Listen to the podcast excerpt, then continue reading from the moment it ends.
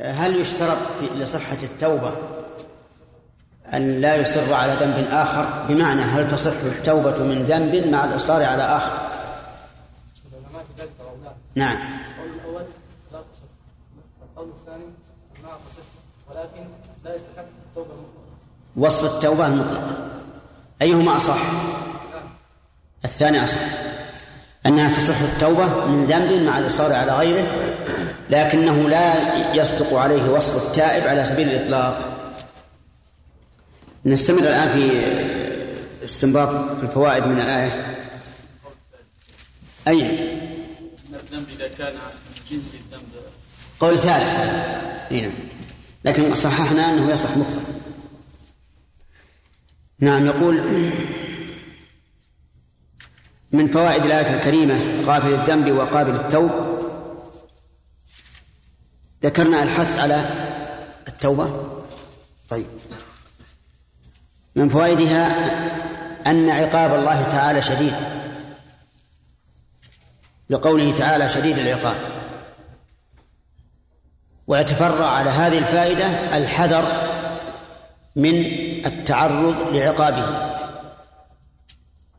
وقد قال الله عز وجل, عز وجل لنبيه نبئ عبادي أني أنا الغفور الرحيم وأن عذابي هو العذاب الأليم. وقال في آية أخرى اعلموا أن الله شديد العقاب وأن الله غفور رحيم. ومن فوائد الآية التي بعدها للقول لا إله إلا هو إليه المصير. كمال غنى الله بيان نعم من فوائدها بيان كمال غنى الله. لقوله ضد الطول أي صاحبه. والطول هو الغنى كما شرحناه. ومن فوائد الآية الكريمة انفراد الله تعالى بالألوهية لقوله لا إله إلا هو. والألوهية أحد أقسام أو انفراد الله بالألوهية أحد أقسام التوحيد الثلاثة التي هي توحيد الربوبية والألوهية والأسماء والصفات. ويسمى توحيد العبادة فهو باعتبار العبد توحيد عبادة وباعتبار المعبود توحيد ألوهية. من فوائد هذه الآية الكريمة بيان أنه لا معبود إلا الله. كذا؟ آه نعم لا بد أن نقيد. لا معبود حق إلا الله. لأن هناك من يعبد ما يعبد من دون الله. وتسمى آلهة. تعبد وتسمى آلهة وقد سماها الله تعالى آلهة. ومن يدعو مع الله إلها آخر لا برهان له به فإنما حسابه عند ربه. فما أغنت عنهم آلهتهم التي يدعون من دون الله من شيء. لكنها آلهة باطلة. ومن فوائد الآية الكريمة أن المصير إلى الله عز وجل بقوله إليه المصير. ومن فوائدها وجوب التحاكم إلى شريعة الله. من أين تؤخذ؟ من قوله إليه حيث قدم الخبر وتقديم الخبر يفيد الحصر والاختصاص. ومن فوائد الآية الكريمة الجمع بين الجمع بين الخوف والرجاء في السير إلى الله. لأنك وجه ذلك أن الإنسان إذا علم أن المصير إلى الله وأنه غافل الذنب وقابل التوبة وشديد العقاب يرجو يرجو من وجه ويخاف من وجه آخر. ما دام المصير إلى من هذا وصفه فإنه لا شك أنه يرجو تارة ويخاف أخرى. وأيهما يغلب؟ قال بعض العلماء يجب أن يكون خوفه ورجاؤه واحدا. لا يغلب الرجاء فيقع في الأمن من مكر الله. ولا يغلب الخوف فيقع في القنوط من رحمة الله. بل يكون خوفه ورجاؤه واحدا. قال الإمام أحمد رحمه الله ينبغي أن يكون خوفه ورجاؤه واحدا فأيهما غلب هلك صاحبه. وقال بعضهم ينبغي للإنسان أن يسير إلى الله تعالى سير الطير. جناحاه متساويان فإن مال أحد جناحين جنح إلى الجانب الذي مال إليه. وقال بعض العلماء ينبغي في جانب الطاعة أن يغلب جانب الرجاء. وأن الله تعالى يقبله وفي جانب المعصية أن نغلب جانب الخوف لئلا يقع فيها. فإذا هم بسيئة ذكر شدة العقاب فخاف فارتدع. وإذا عمل صالحا ذكر الثواب والجزاء وقبول الله عز وجل فغلب جانب الرجاء. وقال بعض العلماء ينبغي أن يغلب جانب الخوف في حال الصحة وجانب الرجاء في حال المرض حتى يأتيه الموت وهو يحسن الظن بالله. لقول النبي صلى الله عليه وآله وسلم لا يموتن أحدكم إلا وهو يحسن الظن بالله. فالأقوال إذن أربعة. الأقوال أربعة ليش؟ أن يكون خوفه ورجاؤه واحدا والثاني أن يغلب جانب الرجاء في العمل الصالح وجانب الخوف إذا هم بالمعصية. والثالث أن يكون يغلب جانب الرجاء في حال المرض وجانب الخوف في حال الصحة. نعم؟ ثلاثة.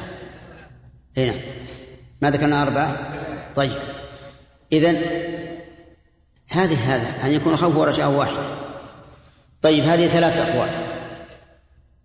والذي يظهر أن القول بأنه يغلب جانب الرجاء في حال فعل الطاعة وجانب الخوف إذا هم بالمعصية هو أقرب الأقوال. من أجل أن يردع نفسه إذا هم بالمعصية خوفا من الله وأن يؤمل القبول من الله والثواب إذا فعل الطاعة فيغلب جانب الرجاء ومن نعم لا إله إلا هو إليه المصير ومن فوائد هذه الآية الكريمة الحث على التوكل على الله كيف يا سعد؟ كيف كيف كان الدليل على الحث على التوكل على الله؟ أنه لما كان المصير إلى الله كان ينبغي أن يتعلق الإنسان بربه لا بغيره. ما دام المصير إلى الله فتوكل على الله لا لا على غيره. ومن فوائد الآية الكريمة أيضا اللجوء إلى الله تعالى عند الشدائد وعند طلب المحبوب. تؤخذ منه إليه المصير. فإذا اشتدت بك شدة فلا تلتفت إلى زيد أو عمرو. عليك بالله عليك بالله عز وجل. حتى الشدائد التي أسبابها خفية لا ينفعك إلا الله. وإما ينزغنك من الشيطان نزغ فاستعذ بالله إنه هو السميع العليم.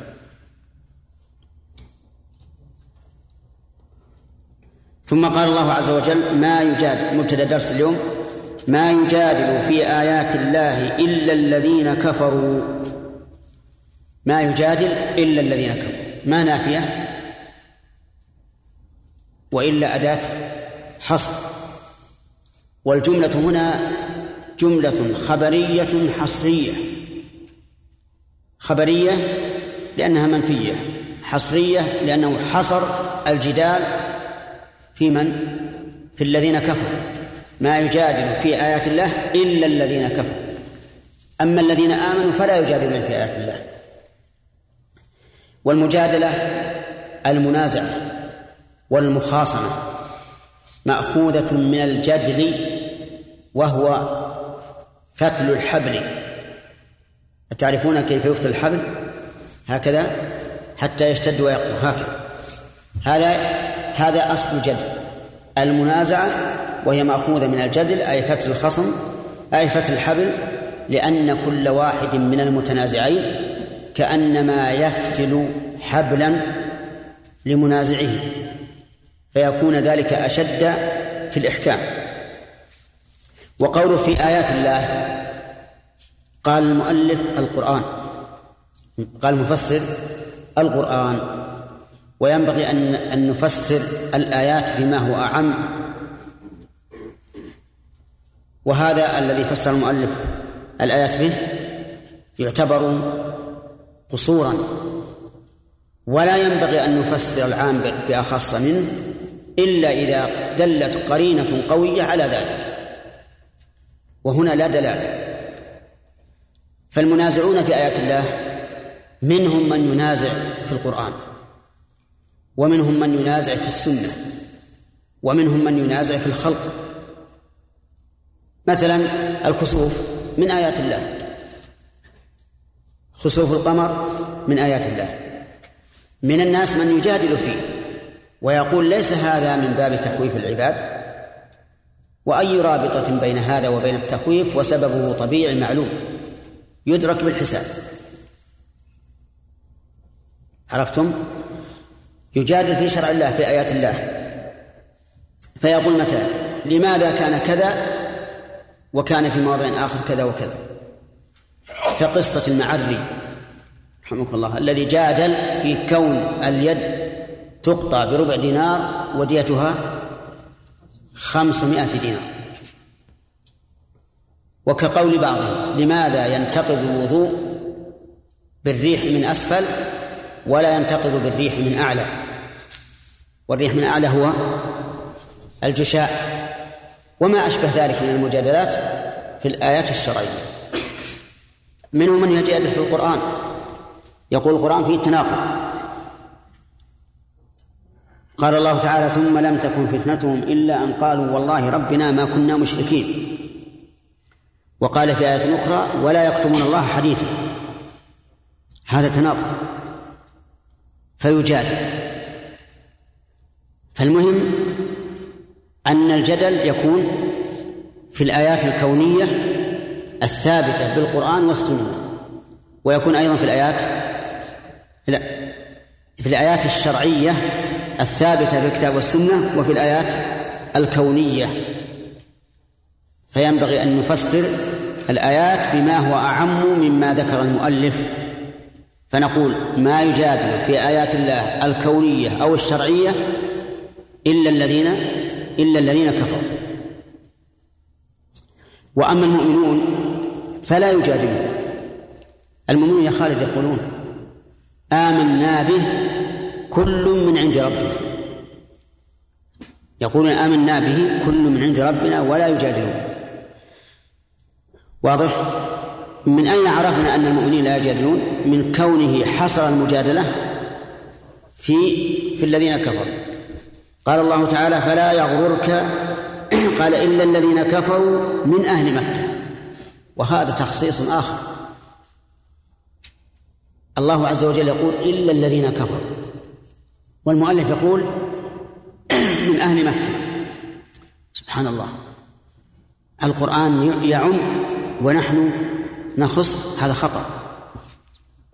قصور في التفسير. فنقول في آيات الله أعم من القرآن. إلا الذين كفروا أعم من أهل مكة. يجادل في آيات الله الذين كفروا من أهل مكة ومن غير أهل مكة. من أهل المدينة من أهل الطائف من أهل جدة من أهل القصيم من كل مكان. كلهم يجادلون في آيات الله. نعم إذا كانوا كفارا فلا يغررك تقلبهم في البلاد. ألف للتفريع على ما سبق والخطاب في قوله فلا يغررك إما للنبي صلى الله عليه وآله وسلم لأنه الذي نزل عليه القرآن وإما لعموم المخاطبين لأن القرآن نزل للجميع. وأيهما أولى؟ الثاني لأن القاعدة التفسيرية عندنا أنه إذا دار الأمر بين كون المعنى عاما أو خاصا فإنه يحمل على العام لأن الخاص يدخل في العام ولا عكس. إذا فلا يغررك أيها المخاطب وأول ما يدخل في ذلك الرسول صلى الله عليه وسلم. ويغررك يعني لا يخدعك ولا تغتر به. تقلبهم في البلاد التقلب هو التردد من شيء إلى إلى إلى إلى شيء ومنه تقلب الإنسان في فراشه من جنب إلى جنب. المعنى لا يغرك تقل ترددهم في البلاد يمينا وشمالا وشرقا وغربا للتجارة ولغير التجارة. لماذا لا يغر قال لا يغرك فلا يغرك تقلبهم في البلاد للمعاش سالمين فإن عاقبتهم النار. فإن عاقبتهم النار.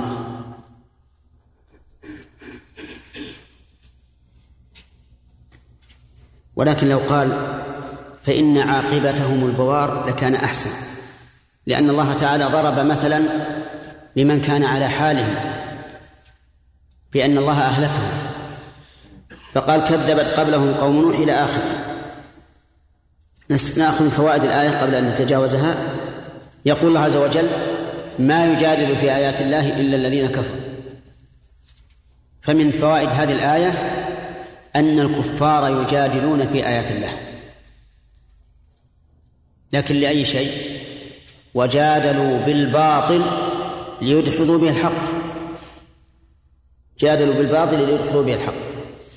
ومن فوائدها حرص الكفار على إبطال الحق بالمجادلة والمجالدة. المجادلة كما في الآية. المجالدة إذا عجزوا عن إبطال الحق بالجدل أبطلوه بالجلد بالقتال كما في آيات أخرى.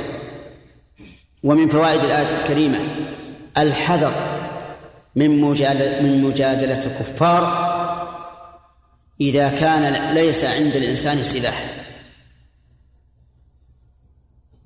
أي لا تدخل مع الكفار في جدل إذا لم يكن لديك سلاح. لأنك سوف تهزم وهزيمتك ليست هزيمة شخصية لكنها هزيمة للإسلام. ومن فوائد الآية الكريمة أنه ينبغي لنا أن نعرف معايب الكفار وأقوالهم حتى يمكننا أن نجادلهم. لأن الجدل كما قلنا فيما سبق المنازع. كل واحد ينازع الآخر ليفتله ليفتل كلامه أمامه حتى يشتد عليه.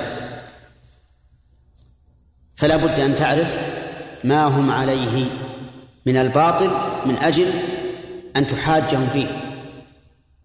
يعني لا يكفي في مجادلة في مجادلة الكفار أن تعرف الحق الذي أنت عليه. بل لا بد أن تعرف الباطل الذي هم عليه. وأظن هذا واضح. هذا واضح. ف والله عز وجل يجادل الكفار بمثل هذا. قل آه الله أذن لكم أم على الله تفترون. والآيات في هذا كثيرة. اعرف ما ما اعرف ما عند عدوك من الباطل من أجل أن تدحض حجته. و فإن قال قائل كيف نجمع بين هذه الآية الكريمة التي ذكر الله فيها أنه لا يجادل في الآية إلا الكفار وبين قول الله تبارك وتعالى ادع إلى سبيل ربك بالحكمة والموعظة الحسنة وجادلهم بالتي هي أحسن. فأمر بالجدال مع أنه في هذه الآية ذم الجدال وقال إنه لا يجادل إلا الكفار. الجواب على هذا سهل. أن أن المجادلة التي أمرنا بها هي المجادلة لإبطال الباطل وإحقاق الحق. أما الكفار فإنهم يجادلون ليش؟ لإبطال الحق وإحقاق الباطل. عكس عكس ما أمرنا به. ومن فوائد الآية الكريمة أن الله تعالى يملل الكفار ويمهلهم ويمكنهم من التقلب في البلاد حيث شاءوا. بقوله تقلبهم في البلاد. ومنها من فوائد الآية الكريمة تحذير المؤمن أن يغتر بما أنعم الله به على هؤلاء الكفار من التقلب في الدنيا حيث شاء بقوله فلا يغررك تقلبهم في البلاد. ومن فوائد الآية الكريمة بيان سفه أولئك الذين أغروا واغتروا بالكفار. بيان سفههم في العقول وضلالهم في الدين. فإن بعض المسلمين ضعفاء الإيمان انبهروا مما عليه الكفار. وظنوا أن ما هم عليه من تحلل الأخلاق وفساد العقائد والكفر هو الذي أوجب أن يكونوا على هذا المستوى من التقدم المادي. فانبهروا بذلك وانفلتوا من الدين وضيعوا مشيتهم ومشية الحمامة صاروا كالغراب. يقول إن الغراب أعجبه مش يقولون إن الغراب أعجبه مشية الحمامة. ومعروف الفرق بين مشية الحمامة ومشية الغراب. الغراب إيش يعمل؟ إطامة والحمامة تمشي كأن كأنما تمشي على عجل. أي على كفرات كما تقولون. فأعجبته المشية. فقال سأمشي مثل مشية الحمامة. فأراد أن يفعل ولم يدرك شيئا. أراد أن يعود إلى مشيته الأولى فعجز عن ذلك فضيع المشية الأولى والثانية. هؤلاء المساكين الذين انبهروا بما عليه الكفار من القوة المادية وما زخرف لهم من الدنيا ضيعوا دينهم ولم يصلوا إلى ما عليه هؤلاء من الدنيا. وقد قال الله تعالى لنبيه ولا تمدن عينيك إلى ما متعنا به أزواجا منهم زهرة الحياة الدنيا لنفتنهم فيه. ورزق ربك خير وأبقى.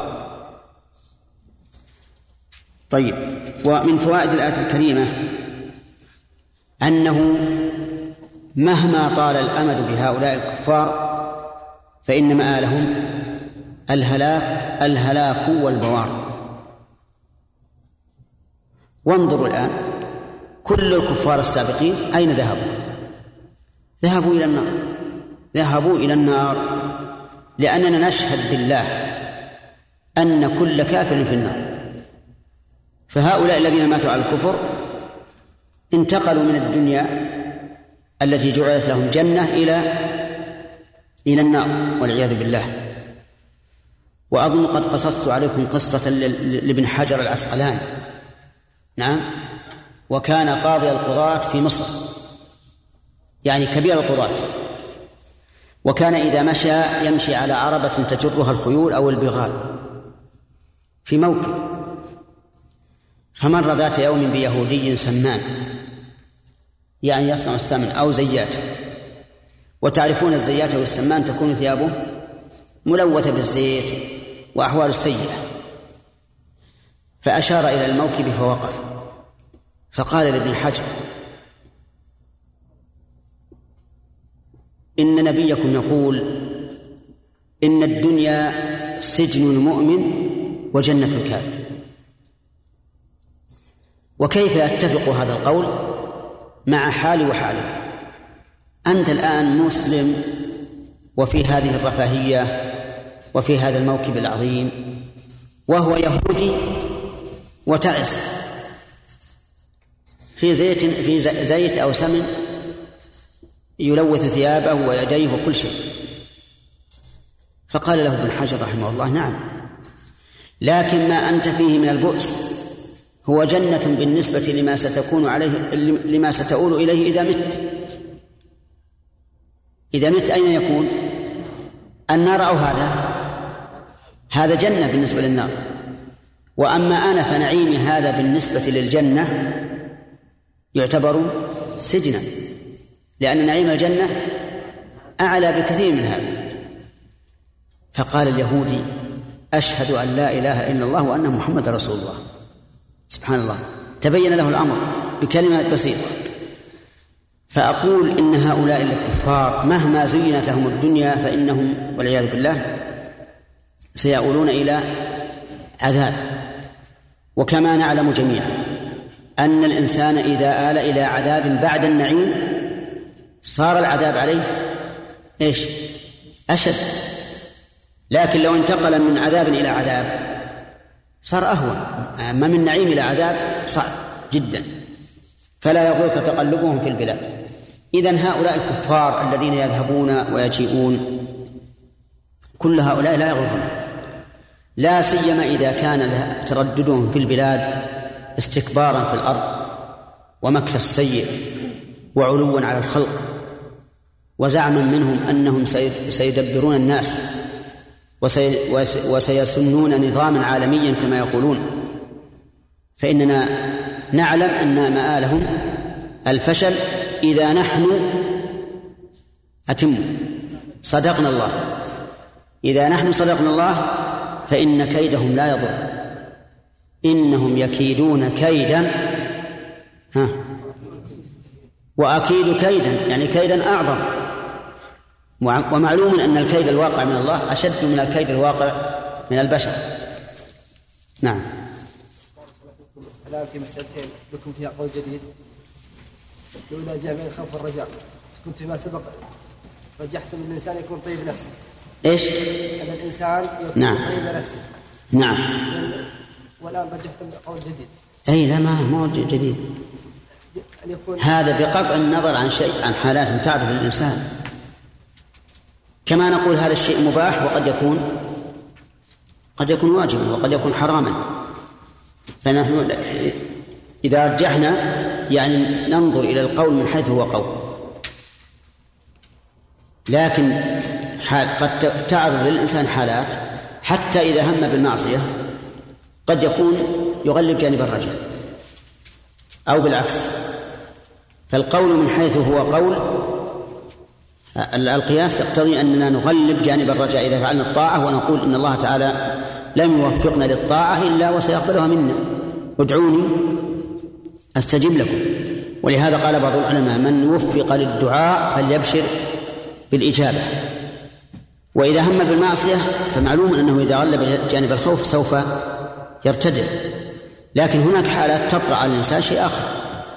فالحالات العارضة نقول فيها الإنسان طبيب نفسه أما القول من حيث هو قول فهو فهذا القول أقرب للقياس. نعم. وهو. بالنسبة من تام الذنب يتعلق بالآخر. ما سبق قلت من إذا كان يتعلق بالذنب الأول من جنس يعني. من جنسه نعم. فلا والآن قلت يقبل مطلقا نعم. لا عليه. لا الصحيح أنه يقبل مطلقا. لأن هذا هو مقتضى العدل. فعل ذنبا فتاب منه فليتوب. فلتقبل توبته. نعم. بعض الناس يقول لا يجوز للإنسان أن يقول إن نشهد أن الكفار كلهم في النار. نقول الذي بلغته الدعوة نشهد أنه في النار. نعم. الذي لم تبلغه الدعوة ولا أن لا لا. لا نقول كل كافر في النار. لكن من لم تبلغه الدعوة فلا نجزم له بجنة ولا نار لأنه لم يصدق عليه أنه كافر. إلى الآن لم يصدق عليه ونقول أمره إلى الله يوم القيامة. وهذا بخلاف الذي ينتسب للإسلام وفعل ما يكفر جاهلا فقد سبق لنا القول في هذه المسألة. وذكرنا لكم من شيخ الإسلام رحمه الله لما ناظر الجهمية ناظرهم بين لهم الحق وأصروا على ما هم عليه. قال أنا أعلم أنني لو قلت بما تقولون لكنت كافرا. وأما أنتم فلستم كفارا عندي. لأنكم متأولون. هذا وهو يناظر الجهمية ويبين لهم الحق. ذكر هذا في كتاب الاستغاثة. وهذا يدل على مسألة يشتد فيها بعض الناس اليوم في مسألة فعل ما يكفر. حيث يكفرون الناس مطلقا بلا بينة.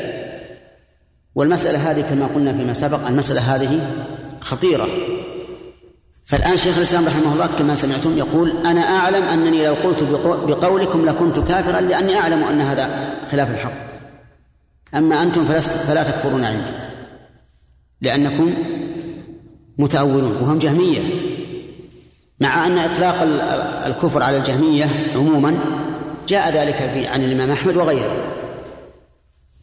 وكما قلت لكم أيضا أو نقلت لكم عن الشيخ محمد عبد الوهاب رحمه الله أنه قال إننا لا نكفر الذين اتخذوا صنما على قبر من البدوي وعبد القادر لأنهم آه، لجهلهم وعدم من ينبههم. لجهلهم وعدم من ينبههم. وقد كان كثير من الناس أو من طلبة العلم يفرقون بين الأصل والفرع. فيقول الفرع الفرع يعذر فيه الجهل والأصل لا يعذر وهذا ليس ليس بصحيح. أولا أن أن تقسيم الدين إلى أصل وفرع. يقول شيخ الإسلام هذا بدعة. ليس في القرآن ولا في السنة تقسيم تقسيم الدين إلى أصل وفرع وإنما حدث هذا من من كلام المتكلمين. بعد القرون المفضلة. قسموا الدين إلى أصل وفرع وقال إن هذا التقسيم ينتقض. ينتقض بأن الصلاة عندهم فرع وهي من أصل الأصول. وبأن بعض المسائل التي فيها الخلاف فيما يسمونه أصولا لا يكفر المخالف فيها. المخالف فيها لا يكفر. كما مر علينا في الصراط في الميزان في عذاب القبر من وفي رؤية النبي صلى الله عليه وسلم ربه. كل هذه من مما مما يسمونه أصولا ومع ذلك ففيها الخلاف. وإن كان الخلاف في الأصل لم يرد لكن فروع الأصول فيها الخلاف. فهذه المسائل ينبغي لطالب العلم أن يحرر فيها القول قبل أن يحكم على عباد الله بما لم يجعل الله لهم نعم.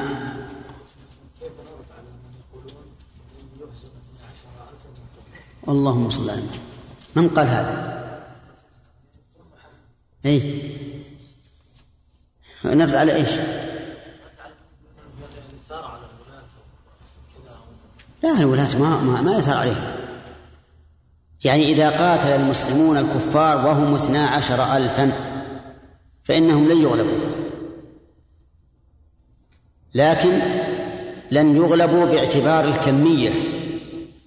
أما باعتبار الكيفية فلو اجتمع اثنا عشر مليون هزموا. لأن الرسول صلى الله عليه وسلم قال يوشك أن تداعى عليكم الأمم كما تداعى الأكلة على قصعتها قالوا أمن قلة يا رسول الله؟ قال أنتم يومئذ كثير ولكنكم غثاء كغثاء السيل. وصدق الرسول والله إننا اليوم غثاء كغثاء السيل. وإلا كيف يطيب لنا منام أو يهنأ لنا أكل؟ وإخواننا في البسنة والهرسك تمزق أبصارهم تمزيقا وتنتهك حرماتهم وتحتل ديارهم. أين أين الإسلام؟ يعني لو مشوا الناس على أقدامهم من أقصى المغرب إلى إلى إلى أقصى المشرق نصرة لإخوانهم لم يكن هذا بغريب لو كان الدين حقيقة.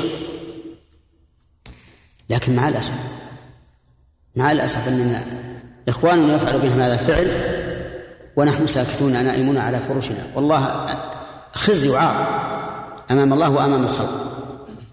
لو يقتل يهودي في, في أرض محتلة مغتصبة قامت الدنيا وقامت من ورائها الأمم. وهؤلاء يقتلون ووعد كذب وسنضرب الصلب والكروات يقولونها اليوم. وغدا يقول لا لا تضربون الصلب والكروات. إن ضربتموهم اعتدوا على حفظة السلام من الأمم المتحدة. وأما خلوهم يقتلون المسلمين ويسلمون جماعة جماعة الأمم المتحدة. ما يهم. فالحاصل أن الحديث لن يغلب اثنا عشر ألف من قلة. هذا لو أننا صدقنا الله. أما ونحن الآن لا نريد إلا شبع البطون وشهوة الفروج ولذة الفرش فسنغلب لو كنا اثني عشر ألف مليون. نعم. أخذنا فائدة قبل قليل أنه يعني الحذر من مجالدة الكفار حتى يعني يتهيأ السلاح.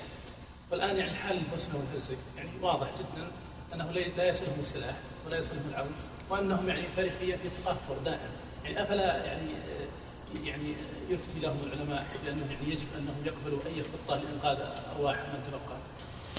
أنا أرى أنه يجب ما هو هذا لو أن المسلمين اتخذوا سلاح المقاطعه للدول الكافرة سلاح المقاطعه فهل تظنون أن الدول الكافرة تخضع أو لا تخضع؟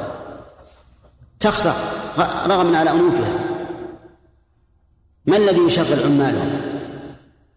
ما الذي يشغل مصانعهم مصانعهم إلا استهلاك المسلمين لما لما يصنعونه ما الذي يمولهم بالبترول وغيره إلا إلا المسلمون؟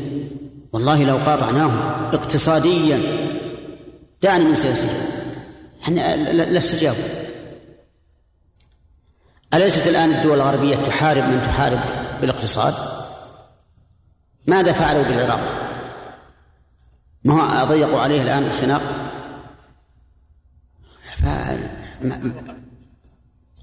اعتبار الواقع الرسول عليه الصلاة والسلام خضع ل... لا لا أقول خضع وافق على الصلح الذي جرى بينه وبين قريش في الحديبية وهو صلح ظاهره أنه علينا وصار لنا والحمد لله. لا أنا ما ألوم مثلا أن الرئيس البوسنة والهرسك بأن يوافق على الخطة التي اختطها هؤلاء لا ألوم لأن هذا أهون الشرين.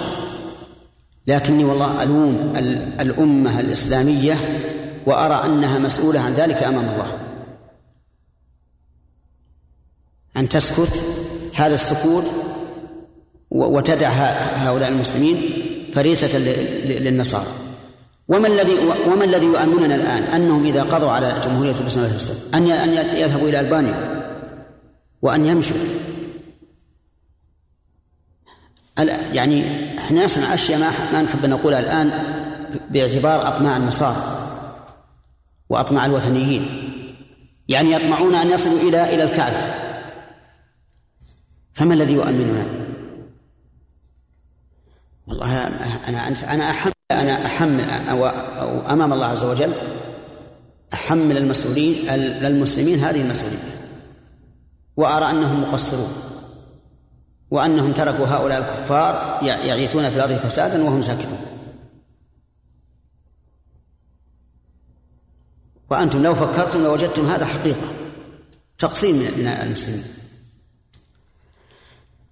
يا أخي ثم المسلمين لا حول ولا قوة إلا بالله. صم بكم عمي فهم لا يعقلون. الآن يحاولون الصلح مع اليهود. وماذا صنعت اليهود باللبنانيين؟ نعم. تطردهم من ديارهم وتقتلهم ويقولون ها تعالوا على مائدة الصلح. وين الصلح؟ ثم هم يصرحون أيضا آه، رؤساء اليهود. يقولون إن القدس عاصمة اليهود الأبدية ولا يمكن أن نتحول عنها. فوش نصالحهم على شيء فالمهم إن ما عندنا صدق لكن أنا إن شاء الله أرجو الله عز وجل أن هذه النشأة الجديدة الشبابية هي التي يكون على يديه النصر. إذا إذا إذا وفقت للحكمة وعدم العنف. لأن الذي يضر الذي يضر الآن الشباب المتجه أنه يتسرع. يريد أن تكون المسألة بين عشية وضحاها. لم يعلم أن أن الأمم الكافرة ومن ورائها أذنابها من ولاة بعض الدول الإسلامية أو العربية لا يدري أنهم أعداء لهم. وأنهم متمكنون. فالواجب على الشباب أن يصبر. يصبر على الأذية ويصبر في الدعوة المدى طويل؟ الطريق طويل.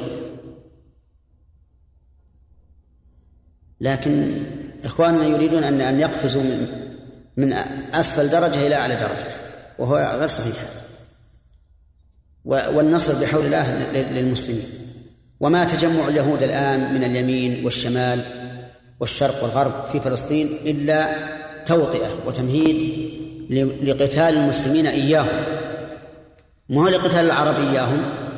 لقتال المسلمين.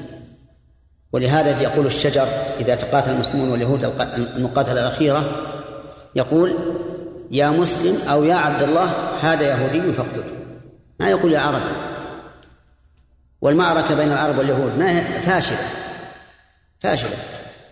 كما كم حصل المعركة بينه وبين اليهود؟ ها؟ ثلاثة وأربعة. كلها الهزيمة على من؟ على العرب. على العرب. وستكون الهزيمة على العرب دائما. ما داموا يقاتلون للعرب من أجل العروبة ستكون هزيمة من قاتل لتكون كلمة الله هي العليا فهو الأعلى. فعلى كل حال يا أخوان نشكر الله عز وجل حالا اليوم أننا في حال يرثى له في الواقع والله يبكي علينا الصديق وأن لم أجازف لقلت يبكي حتى العدو. الآن يقولون أنه في أمريكا بعض الناس اللي عندهم نوع من الرحمة يعني فعلوا مظاهرات من أجل ما يفعل في البوسنة من هتك الأعراض وقتل الأطفال أمام أمهاتهم وآبائهم حتى قيل إنهم يجبرون الأم على أن تشرب من دم ابنها وهو يذبح أمامها. أعوذ بالله. شيء عجيب يعني. شيء يرتاع له الضمير. ومع ذلك يعني شيء ساكتون. لو واحد بس يشوف وش البراد والثلج والماء البارد والله بعض الأحيان إذا شربت الماء يقول سبحان الله كيف أشرب هذا الماء؟ وإخواننا في البصرة يشربون من, من, من المجاري. نسأل الله العافية. ما ما ما يخاف الله ما يخاف ما يشعر بشعور إخوانه. إن الله وإنا إليه راجعون. نعم محبوب.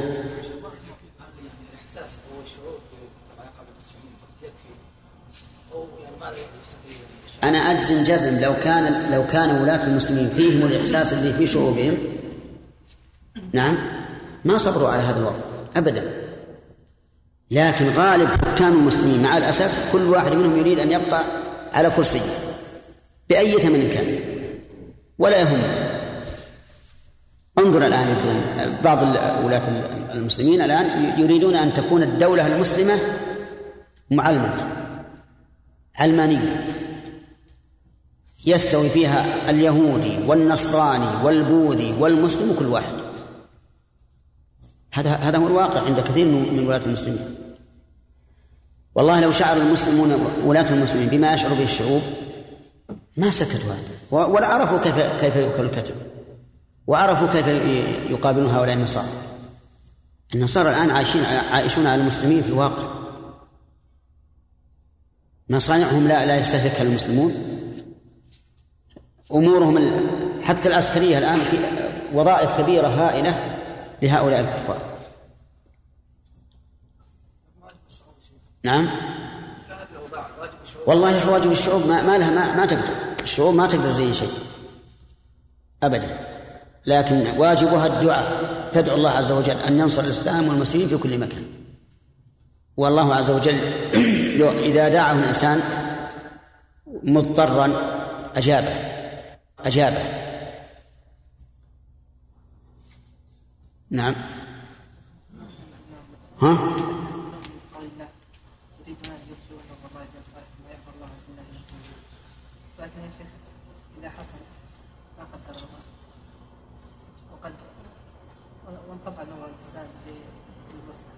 الله يكون نؤمن بأن الله تعالى يقول يريدون أن يطفئوا نوره بأفواههم ويأبى الله إلا أن يتم نوره ولو كره الكافرون. هل المراد في عهد الرسول عليه الصلاة والسلام وأن الله أتم النور وصارت تسيطر المسلمين أو أنه في كل زمان ومكان إذا قلنا بالثاني فلا يلزم إذا انطفأ النور في في بلد أو في دولة أن ينطفئ في الدول الأخرى أو في بلد في بلاد أخرى ولكن مع ذلك نرجو الله سبحانه وتعالى ان لا يطفئ نوره في في البوسنه والهرسك ولا غيرها من بلاد الإسلام. هذا ما نرجوه ونؤمله ونعلم أن أن ما أصاب إخواننا في البوسنه والهرسك هو بقضاء الله وقدره لا شك. فنرضى به من هذا الوجه لأنه قضاء الله. لكننا نعلم أنه إذا وقع الشيء بقضاء الله وقدره فيجب علينا أن نعمل. أن نعمل بشرع الله حتى يرتفع قدر الله لا يروح علينا الوقت نعم خلاص انتهى. يقول حجاج انتهى الوقت. نعم؟ إي نعم.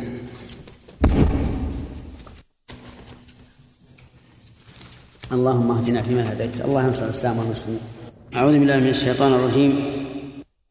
قال الله تعالى ما يجادل في آيات الله إلا الذين كفروا. ما المراد بآيات الله؟ اقلب الشريط. نعم. مثال المجادلة في الكونية شرف. مجادلة في الكسوف. كالمجادلة في الكسوف حيث لكن يقول يقول انها أن الله سبحانه وتعالى كيف يخوف الله بها بها عباده وهو معلومة الزمان والانتهاء. البدء والانتهاء. أي. الوقت الحاضر. الآيات الشرعية. الآيات الشرعية مثلا قطع اليد أو الري ها؟ نعم. يجادلون فيها. ويقول في هذا إيش؟ همجية ووحشية وما أشبه ذلك. طيب كيف تجمع بين هذه الآية آخر واحد؟ بين هذه الآية اللي وراك اللي وراك آخر واحد. نعم كيف تجمع بين هذه الآية وبين قوله تعالى وجادلهم بالتي هي أحسن؟ فأمر بالمجادلة. ما هو أنت بارك الله فيك الثاني إيه.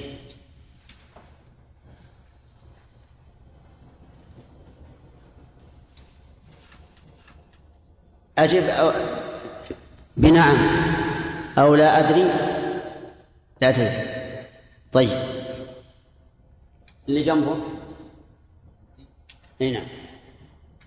المجادلة التي هي أحسن تكون هنا أمر جادلهم وهنا قال ما يجادل إلا الذين كفروا. لأن مجادلة الكفار تكون بالباطل لإدحاض الحق. أما الذين آمنوا فمجادلتهم تكون لبيان الحق. طيب. إذا المجادلة هنا غير المجادلة هناك. ها؟ ما تقولون؟ صحيح قوله فلا يغررك تقلبهم ما معنى التقلب في البلاد؟ إيه؟ التردد في- البلاد آه، التجارة والنزهة وغير ذلك طيب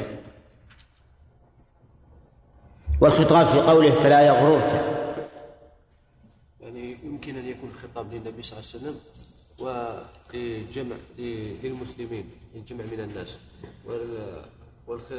وإذا دار المعنى بين فرق بين عام وخاص فنحمله على العام لعموم لأن الآن يشمل الخاص ولا عكس. طيب.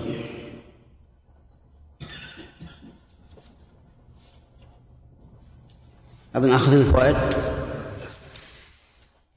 قال الله تبارك وتعالى كذبت قبلهم قوم نوح. هذا كالتعليل لقوله فلا يغررك تقلبهم في البلاد. يعني فلينظر عاقبة من كان قبلهم حين كذبوا. وقول قبلهم الضمير يعود على الذين كذبوا النبي صلى الله عليه وآله وسلم. قوم نوح والأحزاب من بعدهم. نوح هو أول رسول أرسله الله تعالى إلى أهل الأرض بعد أن اختلفوا. فجاء فبعث الله النبيين مبشرين ومنذرين وأنزل معهم الكتاب بالحق ليحكم بين الناس فيما اختلفوا فيه. ونوح بعث إلى أهل الأرض لأن أهل الأرض كانوا هم قومه أما حين تعدت الأقوام فقد كان الرسول لا يبعث إلا إلى قومه خاصة كما ثبت ذلك عن النبي صلى الله عليه وسلم. والأحزاب جمع حزب وهي الطائفة يعني الطوائف من بعدهم أي من بعد قوم يقول المفسر كعاد وثمود وغيرهما. وماذا فماذا أغنى عنهم التكذيب؟ يقول عز وجل فأخذتهم. وقوله همت كل أمة برسولهم ليأخذوه. يعني كل أمة همت برسولهم أي بالذي أرسل إليهم ليأخذوه. هذه متعلقة بهمت أي هموا ليقتلوه.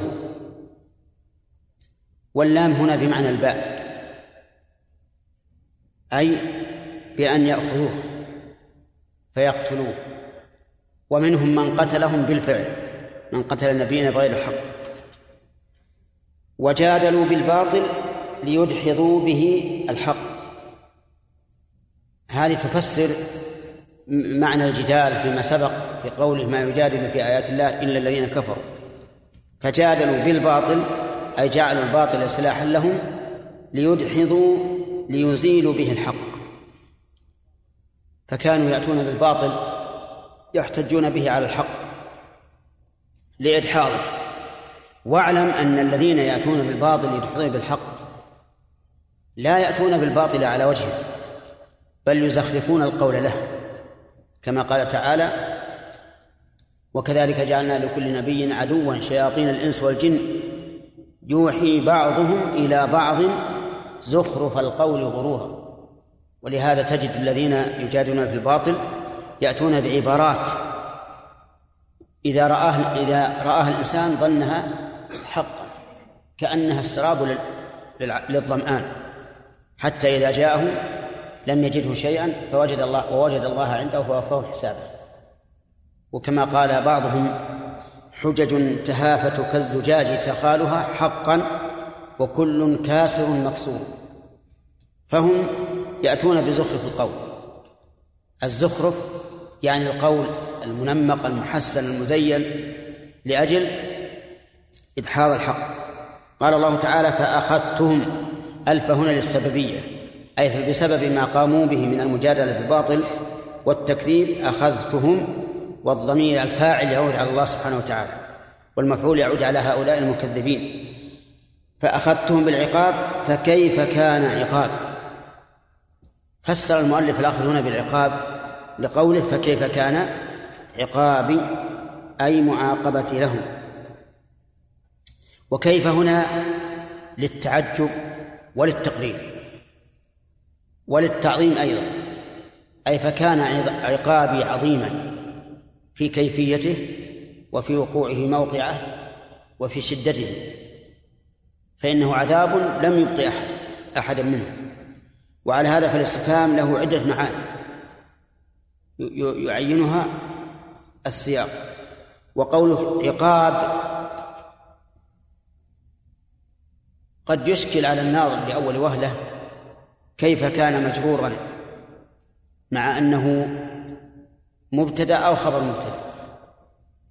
فيقال إنه ليس بمجرور وأن الأصل عقابي فحذفت الياء تخفيفا والكسرة قبلها دليل عليها. أي هو واقع موقعه. وهذا بناء على أن الاستفهام للتقرير وإن قلنا للتعظيم يكون معنى فكيف كان عقاب؟ أي فما أعظم عقابه وأشده حيث أزالهم عن آخرهم.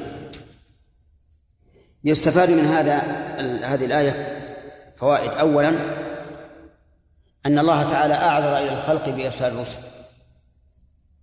أعذر إلى الخلق بإرسال الرسل مبشرين ومنذرين لئلا يكون للناس على الله حجة بعد الرسل. بقوله كذبت قبلهم قوم نوح وهذا يدل على أن هناك قولا قاله الأنبياء فكذبه هؤلاء. ومن فوائد الآية أن أن نوحا هو أول الرسل. لقوله والأحزاب من بعدهم. فجعل الأحزاب المكذبين كلهم من بعد قوم نوح. وهذا يدل على أن نوحا هو أول الرسل وهذا أمر معلوم متقرر في عدة آيات وفي الأحاديث أيضا. وبه نعلم أن من زعم أن إدريس قبل نوح فإنه خاطئ ولا وجه لقوله. ومن فوائد الآية الكريمة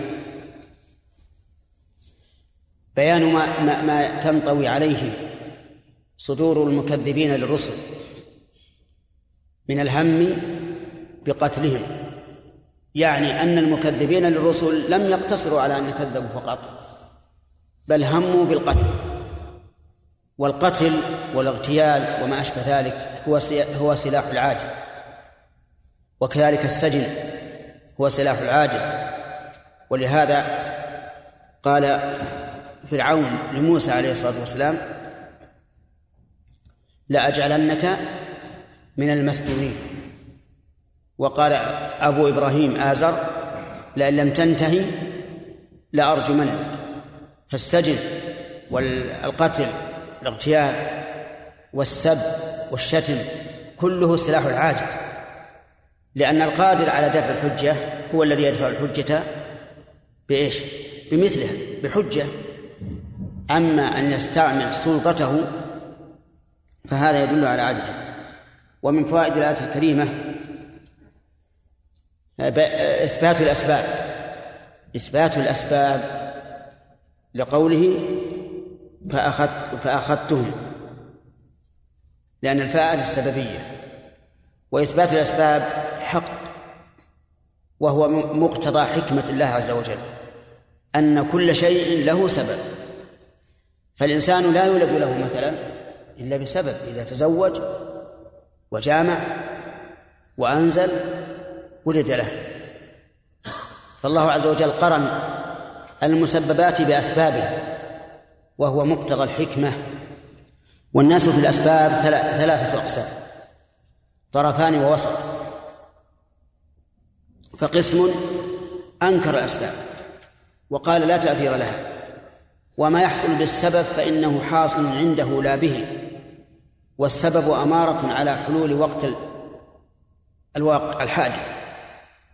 السبب أمارة وعلامة فقط على حصول الحادث أو على حلول وقته. فانكسار الزجاجة بالحجر إذا أرسل عليها ليس هي التي كسرته لكن الله قدر انكسارها عند وجود الصدمة فقط وليس للحجر أي تأثير. فالأشياء تحصل تحصل عند الأسباب بغير الأسباب. لكن السبب جعله الله أمارة وعلامة على حلول وقت الحادث. ولهذا يقولون لو أن أحدا أثبت تأثير الأسباب لكان مشركا لأنه أثبت لله أثبت مع الله خالقا فاعلا. والقسم الثاني الطرف الثاني يقول بل الأسباب ثابت تأثيرها وهي مؤثرة بنفسها. مؤثرة بنفسها لأنها هي القوة الفاعلة ولا علاقة لله بها. وهذا يشبه مذهب القدرية وهو قول الفلاسفة. يقول هكذا المسألة طبيعية طبائع. من طبيعة هذا الشيء أن يحدث به هذا الشيء. وهذا لا شك أنه خطأ وأنه نوع من الشرك من الشرك. والقسم الثالث وسط. يقول إن للأسباب تأثيرا ولكن لا بنفسها بل بما أودع الله فيها من القوى المؤثرة. وهذا هو الذي دل عليه المنقول والمعقول وهو الحق. والرد على هؤلاء على الطبائعيين الذين يقولون إن الأسباب مؤثرة بطبيعتها أن الله تعالى قال لنار إبراهيم وهي محرقة قال لها كوني بردا وسلاما على إبراهيم. فكانت بردا وسلاما فخرجت عن طبيعتها. إذن ليست الطبائع قوى مؤثرة بنفسها ولكن بما أودع الله فيها من القوى المؤثرة. والدليل على تأثير الأسباب أدلة على تأثير الأسباب أكثر من تحصى الله الذي يرسل الرياح إيش؟ فتثير سحابا فأنزلنا به الماء فأخرجنا به من كل الثمرات. والأعمال الصالحة سبب للفوز والأعمال السيئة سبب للخسران. وهكذا. فالأسباب ثابتة شرعا ولا شك في الأمور الحسية والأمور الشرعية. الآية التي معنا. فأخذتهم تفيد إيش؟ تفيد إثبات الأسباب وتأثيرها ولكن بأمر الله سبحانه وتعالى. ومن فوائد هذه الآية هذه الآية تحريم المجادلة بالباطل لإدحاض الحق. لقوله وجادلوا بالباطل ليدحضوا به الحق. ويتفرع على هذا أن هذه العادة من عادات المكذبين للرسل. ومن المجادلة بالباطل لإدحاض الحق أن يجادل الإنسان للانتصار لقوله. وهذا يقع كثيرا في المتفقهة والمتكلمة وغيرهم. يجادلون بالباطل من أجل من أجل الانتصار للقول كما قال تعالى يجادلونك في الحق بعدما تبين كأنما يساقون إلى الموت وهم ينظرون. فمن جادل من أجل أن ينصر قوله لا أن ينصر الحق. ففيه شبه من المكذب من المكذبين للرسل الذين يجادلون بالباطل ليدحضوا به الحق. ثم إن فيه أي في الذي يجادل لنصر قوله فقط فيه أنه قد عرض نفسه لأمر عظيم جدا.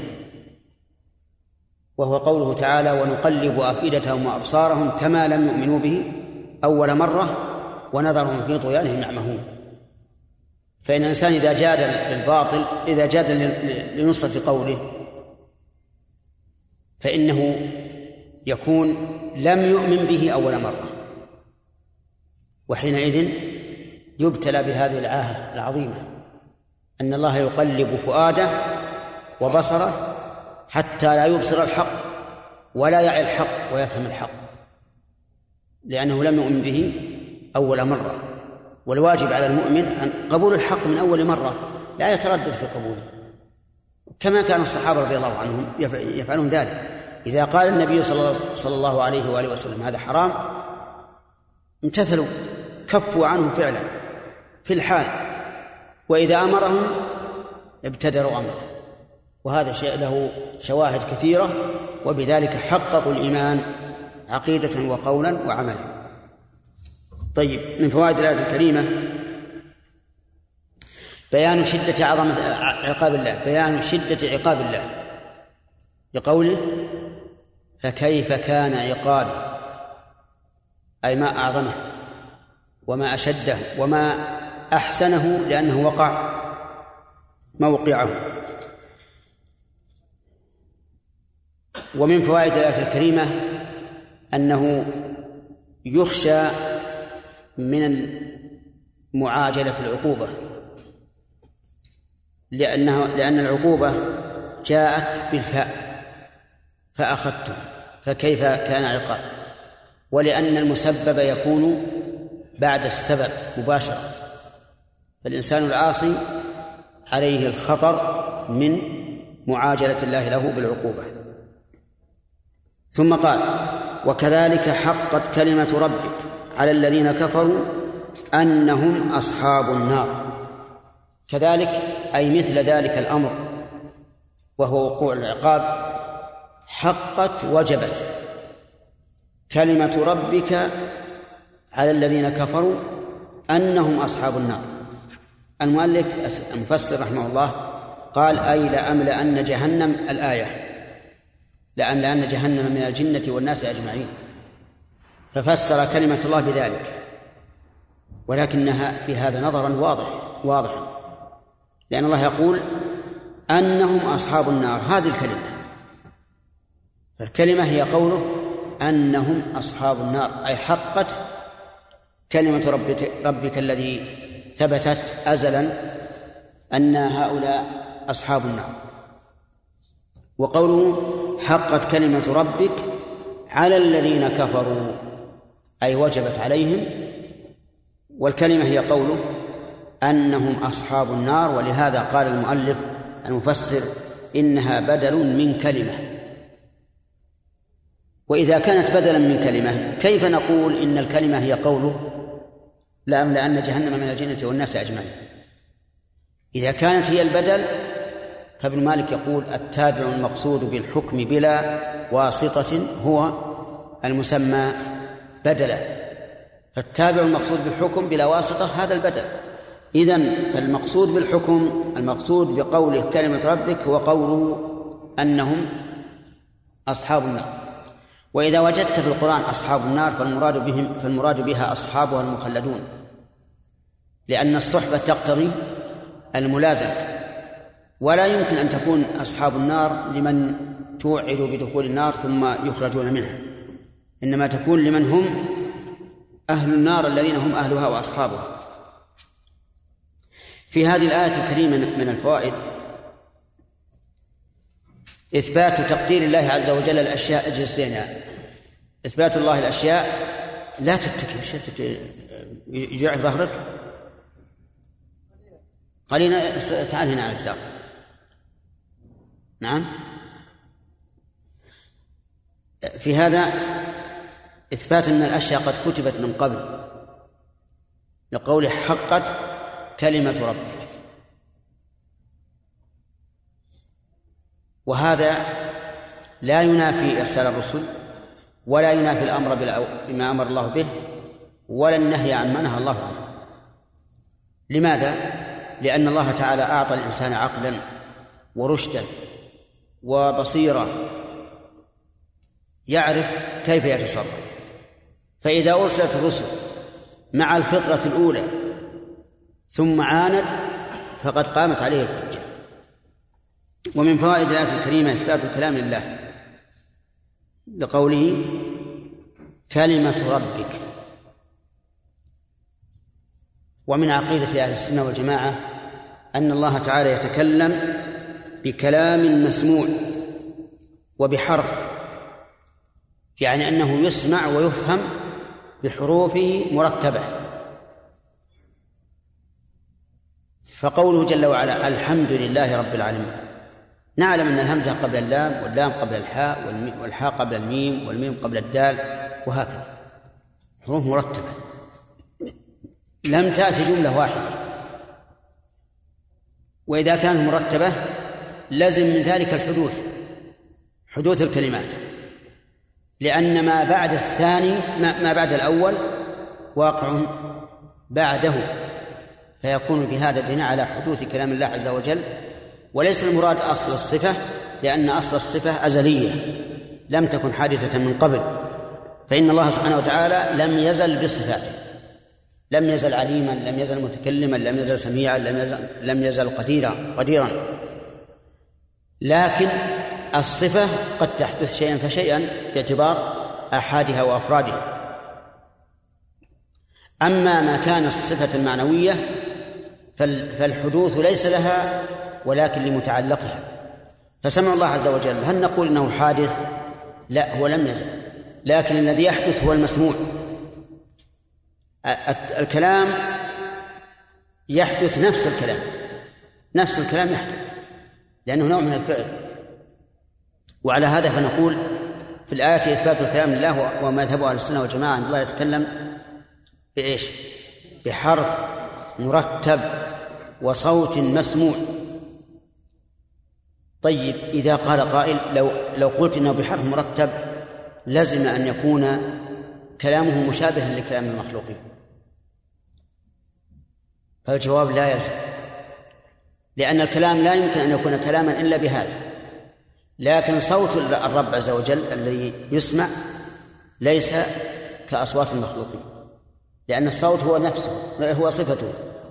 لكن الحروف صفة الكلام الذي تكلم به وهي لا يمكن أن يكون كلاما إلا بترتيب بعضه بعد بعض. ومن فوائد الآية الكريمة عناية الله عز وجل برسوله صلى الله عليه وآله وسلم. وجهه. ربك حيث أضاف إليه الربوبية وهذه الربوبية خاصة. هذه الربوبية خاصة لأن ربوبية الله عز وجل نوعان عامة وخاصة. فالعامة الشاملة لكل شيء والخاصة المختصة بما أضيفت له. استمع إلى قوله تعالى قالوا آمنا برب العالمين رب موسى وهارون. في هذه ربوبية عامة وربوبية خاصة. العامة رب العالمين والخاصة رب موسى وهارون. إنما أمرت أن أعبد رب هذه البلدة الذي حرمها وله كل شيء. الأول رب هذه البلدة يعني مكة الذي حرمها. ربوبية خاصة وله كل شيء. هذه عامة. إذن قوله ربك من باب إيش؟ الربوبية الخاصة.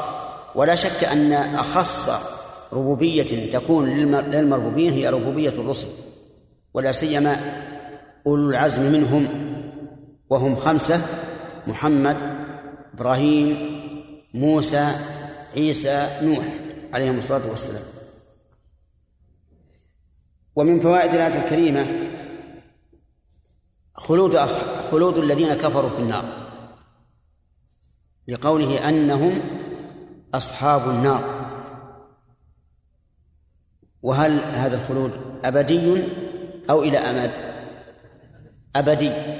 جاء ذلك بآيات ثلاث في القرآن في سورة النساء وفي سورة الأحزاب وفي سورة الجن.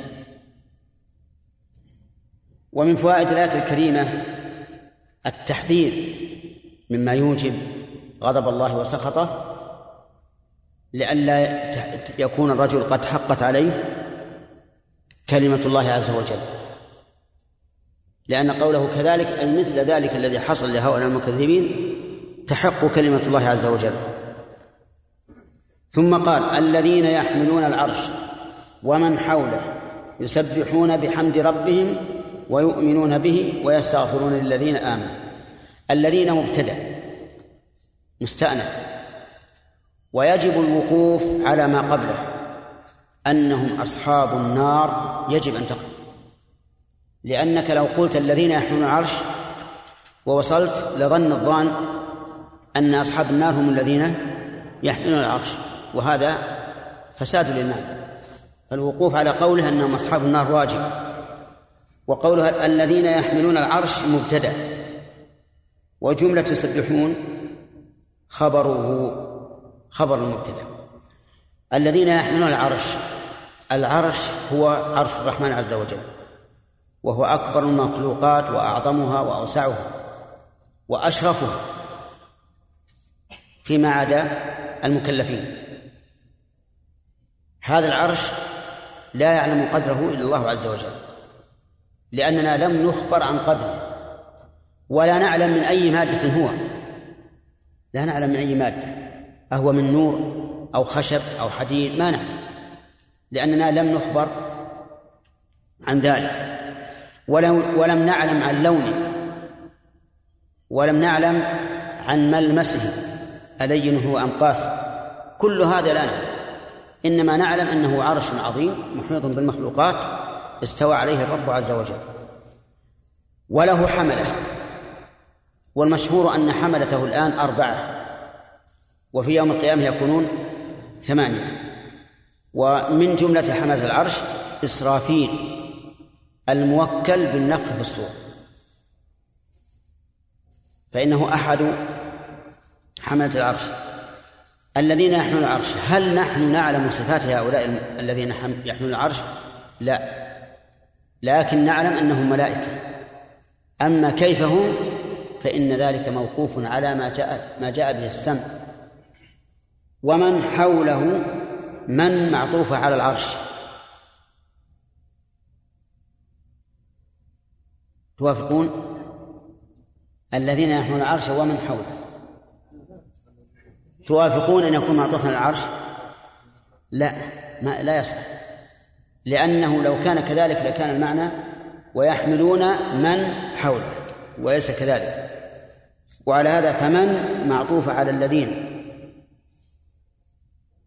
الذين يحملون العرش والذين حوله.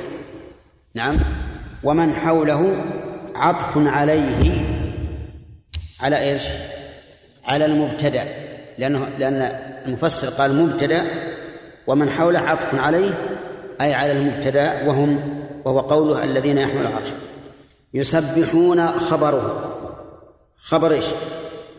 خبر المبتدأ وما عطف عليه. يعني حملة العرش والذين حول العرش يسبحون بحمد الله والتسبيح تنزيه الله عز وجل عما لا يليق به تنزيه الله عما لا يليق به من نقص أو مماثلة للمخلوقين. والباء في قوله بحمد ربهم للملابسة أي تلبي أي تسبيحا ممزوجا بالحمد. ممزوجا بالحمد فهم مسبحون حامدون أي يقولون سبحان الله وبحمده.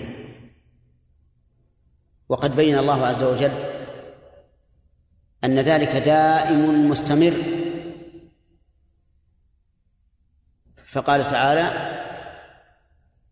فإن استكبروا فالذين عند ربك يسبحون لا. فإن استكبروا فالذين عند ربك لا يستكبرون عن عبادته ولا يستحسرون يسبحون الليل والنهار لا يفترون. ها؟ نعم. فيها اقرأ له صواب.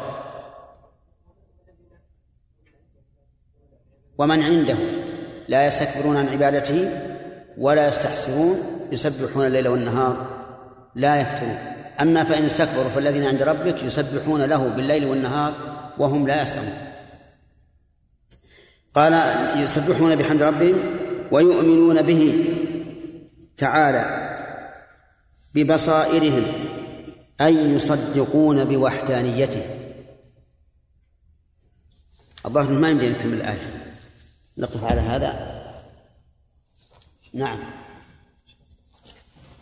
شيخ هل صحيح ان يقول ان الاسباب تقع تقع بدون السبب لكن إحنا نتبع الشرع الامر بالاسباب فقط.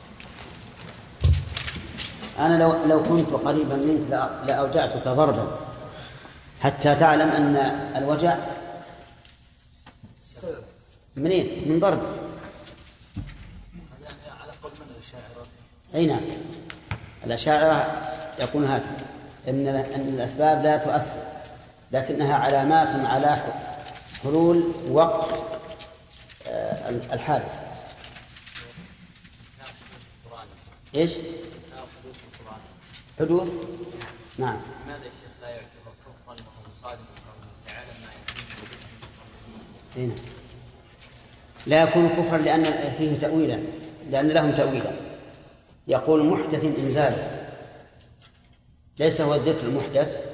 المحدث إنزال ولا شك أن هذا إقحام لكلمة إنزال في غير في غير دليل. مثل مثل قوله وجاء ربك قالوا المعنى وجاء أمر ربك فأقحموا أمر. فنظرا لهذا التأويل لا نحكم به. ها؟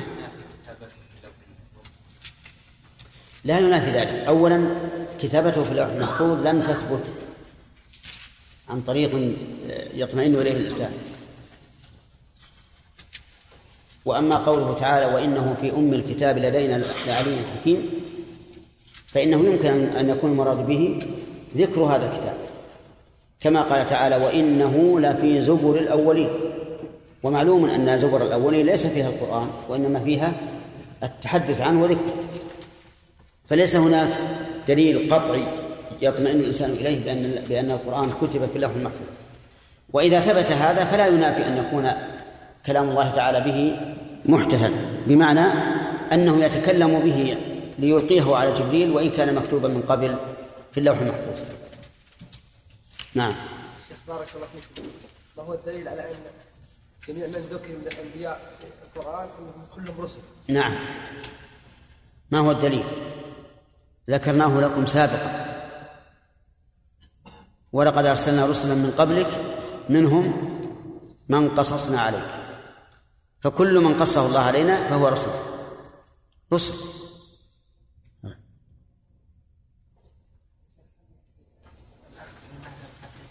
إيش؟ نعم. أي- نعم يأتي بقرينة. مثل قوله فأخذتهم أهلكتهم. ها؟ هو على كل حال أخذهم للأنبياء قد يكون يأخذونهم ليحبسوهم في قوله وإذ يمكر بك الذين كفروا ليثبتوك أو يقتلوك أو يخرجوك. يثبتوك يعني يحبسونك. يحبسونك فتكون ثابتا في مكان لا تتعداه. أو يقتلوك واضح أو يخرجوك من البلد. لأن المرء اللي يأخذوه لا لقوله تعالى ويقتلون الأنبياء بغير الحق ولقوله فأخذتهم فيكون إهلاكهم في مقابل ما يريدونه من إهلاك الرسل الرسول عليه الصلاة والسلام ما همه أن يقتلوه؟ نعم. أتدري ماذا أشار عليهم الشيخ النجدي؟ وش قال لهم؟ قال لا يمكن تقتلون قريش إلا كون عشرة, عشرة شباب أقوياء جلدين وأعطوا كل واحد منهم سيفا. فإذا خرج محمد فليقتلوه ضربة رجل واحد حتى تتفرق يتفرق دمه في القبائل فلا تستطيع قريش أن تطالب به. فيخضعوا لأخذ الدية. عرفت؟ إذا هموا هموا بقتله ولا لا؟ هموا بقتله واليهود هموا بقتله. في قصة بني النظير نعم من نقرأ. أعوذ بالله من الشيطان الرجيم. الذين يحملون العرش ومن حوله يسبحون بحمد ربهم ويؤمنون به ويستغفرون لمن في الأرض. ويستغفرون للذين آمنوا. ويستغفرون للذين آمنوا. ربنا وسعت كل شيء رحمة وعلما. فاغفر للذين تابوا واتبعوا سبيلك وقهم عذاب الجحيم. ربنا وأدخل ربنا وأدخلهم جنات عدن التي وعدتهم ومن صلح من آبائهم وأزواجهم وذرياتهم. إنك أنت العزيز الحكيم. وقهم السيئات ومن تق السيئات يومئذ فقد رحمته. وذلك هو الفوز العظيم.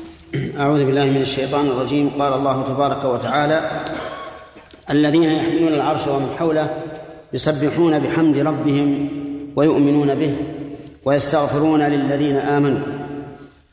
سبق الكلام على قوله تعالى الذين الذين يحملون العرش ومن حوله يسبحون بحمد ربهم ويؤمنون به. قال ويؤمنون به. توسع شنعي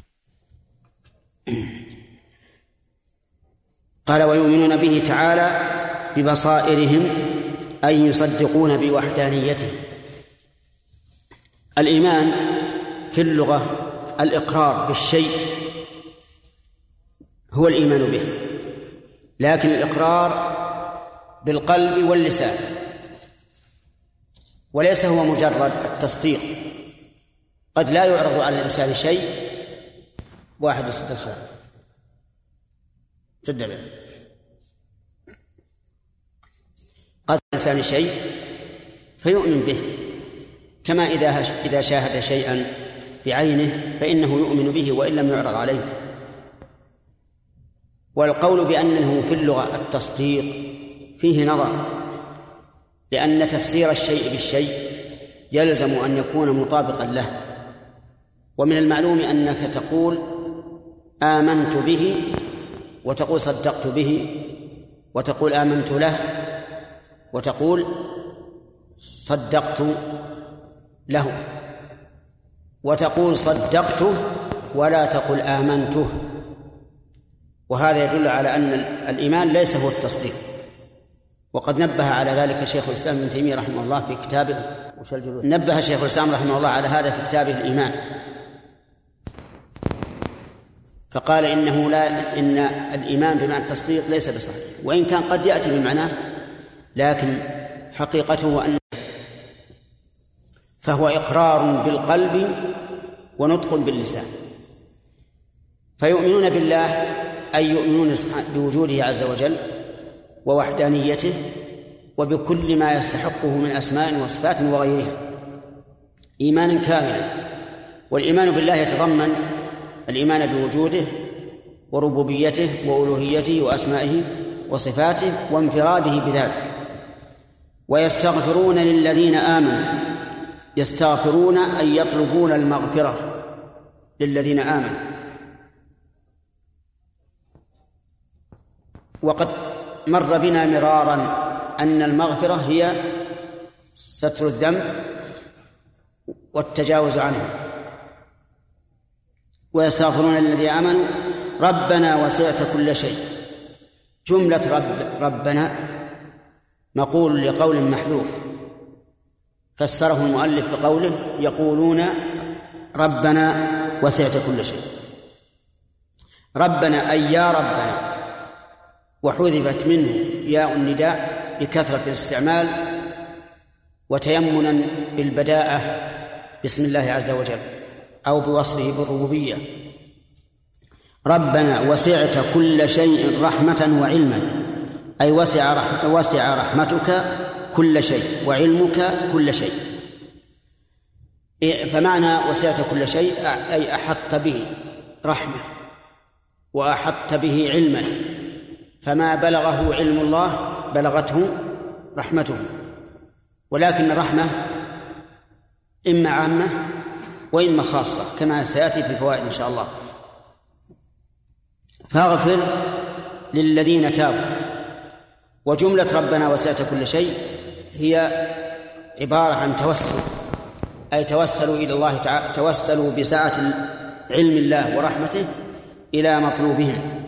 يقول ربنا وسعت كل شيء رحمة وعلما فاغفر للذين تابوا أي تابوا من الشرك ورجعوا إلى الله تعالى بالتوحيد والإخلاص واتبعوا سبيلك أي طريقك وهو دين الإسلام.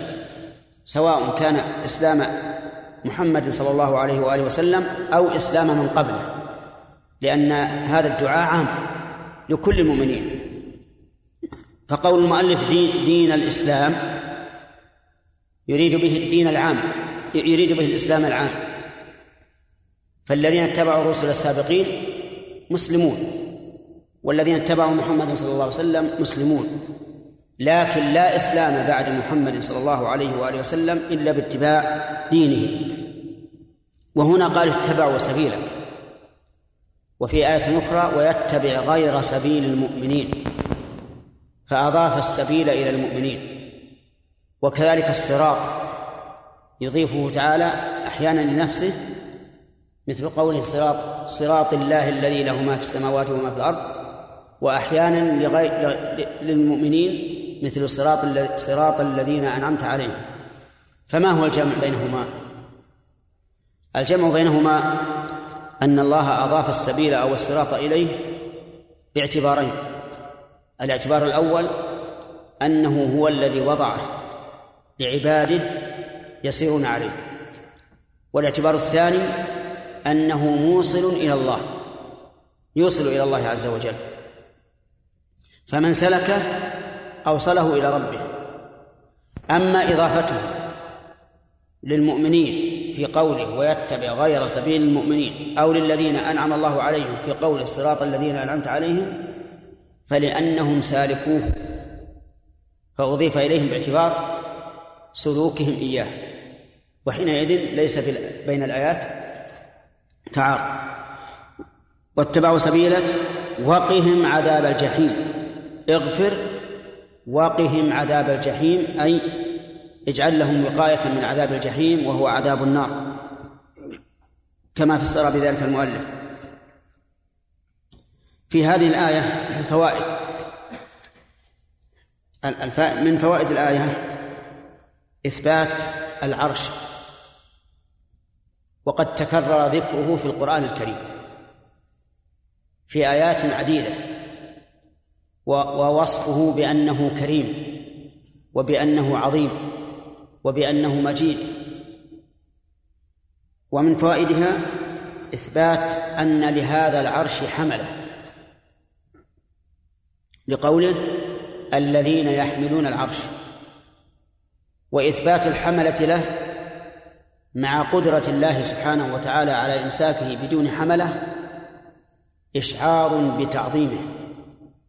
وأنه عظيم معتنى به. ولهذا نجد أن الله قال في السماوات بغير عمل ولم يذكر عمله. والعرش ذكر له حمله مع أن مع أن الذي أمسك السماوات والأرض أن تزولا قادر على إمساك العرش بلا حمله. لكن هذا من باب إيش؟ التعظيم والتنويه بش- بشرفه وعظمته. ومن فوائد هذه الآية أن حول هذا العرش ملائكة.